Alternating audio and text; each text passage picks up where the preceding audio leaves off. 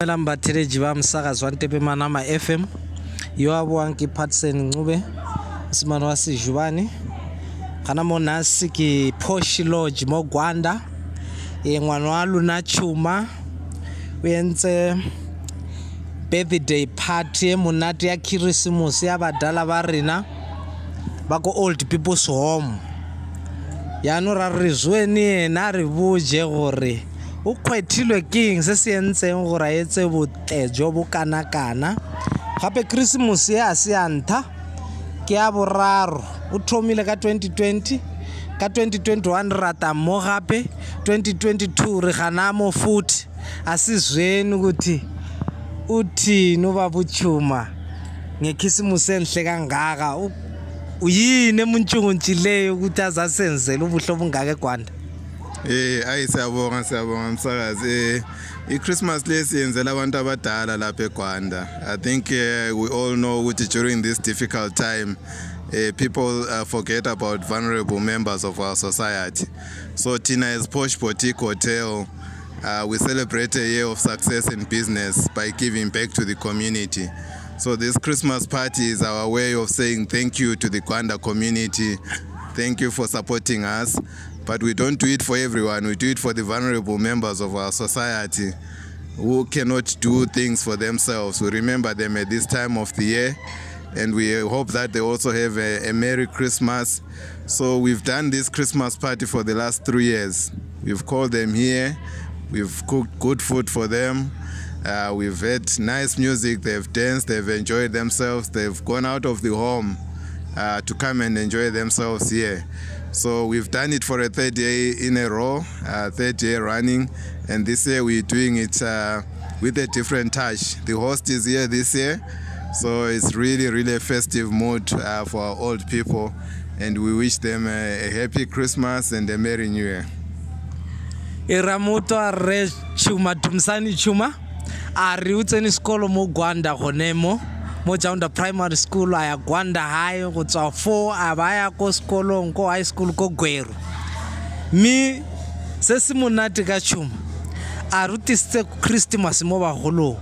Mo ngwageng wa 2020 ba dirile christmas na ba tswaleletswe ke covid-19 le ditsala tsa gagwe tse dingwe ko mafatsheng gone koo le ka 2021 na ba seyo mara ba re mmereko ga o ye pele ga o tswelele o ye pele mme ka ipotsa gore tšhaba ya gwanda e kgona go lemoga sengwe ne mo baneng ba bone gore go na le bana ba ba itseng gore go na le botsadi. Go na le batsadi ba ba thokanang le tlhokomelo ya rona. Go na le batsadi ba ba lathegileng ba ba thokang batho ba ba ka ba tshetsa mo maphelong a bone. A ko re utlweng gore dube yene tšhuma yene o re mo setšhabeng sa gwanda tšhuma o thini? Kuzizalwane zegwanda Eh zeGwanda ngithi guys I'm setting a challenge. Let's not forget uh, the vulnerable members of our society not just around Christmas time but throughout the year. Uh, our vulnerable members of society are struggling. Every day is a struggle. Even for us that are able-bodied that can do things for ourselves we are struggling. So imagine the vulnerable members of our societies, the old people, the disabled. Let's remember them throughout the year. Let's find out what they really need and let's help them throughout the year. We've done our part as Posh and we urge you all, wherever you are, whatever your your, your, your, your position in life is, whatever business you are running, we urge you to please spare a moment, spare a dollar, spare a cent for those vulnerable members of our society. And please do your part as we all do. Together we can.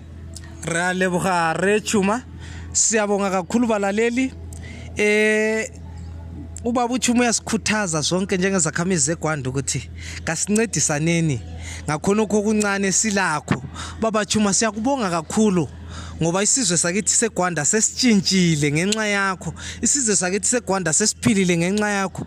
Njalo sithi qhubekela phambili umsebenzi kawuye phambili unkulunkulu akungezelele kusasa futhi usenzele ubuhle obungaka. Siyabonga, siyabonga lo lethuba lokuthi lisikhave sikwanisa ukukhuluma labantu beGwanda siyabonga kakhulu. siyabonga balaleli siyabonga isethekelo esihle. Ubaba uchuma udumisani chuma ephosh egwanda khonapha. Bazali lilalele ngumntwana wenu ekhaya. Konke lingabe lilakho elabe lifuna ukukwenza ama-activities. Sondelani lisapote abantwa benu nampa abantwa benu bayatshengisa ngokunika back to the community. Bayalikhumbula njengabazali babo bahambile indawo eziningi so namhlanje besithelani libona ukuthi abantwa benu bayenzani basikhuthaza njani njalo likhuthazane sikhuthazane labafowethu labosisi ukuthi sincedisane njani emphakathini wethu ukuze sithuthuke. Nanko-ke uchuma uyasiphakamisa egwanda.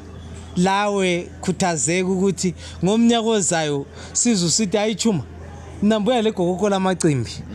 Nambuya lalokhu ngoba mbona uchuma uphe abadala bethu lapha amabhaketi amagrosari ukuthi noma sidlile namhlanje kumnandi amakhekhe lapha ubungekho mina kade ngikhona ngikhuluma ngiqunjelwe nje kodwa engikutshoyo ukuthi abadala kukhona abakuthweleyo abahamba lakho e-ods people's home labanye lapha akhulele khona ejawunda kubo marriage yinjabulo namhla ma ufuna ukuzizwela lawe bafonele marriage uzezwa ukuthi uhamba njani Siyabonga. Siyabonga.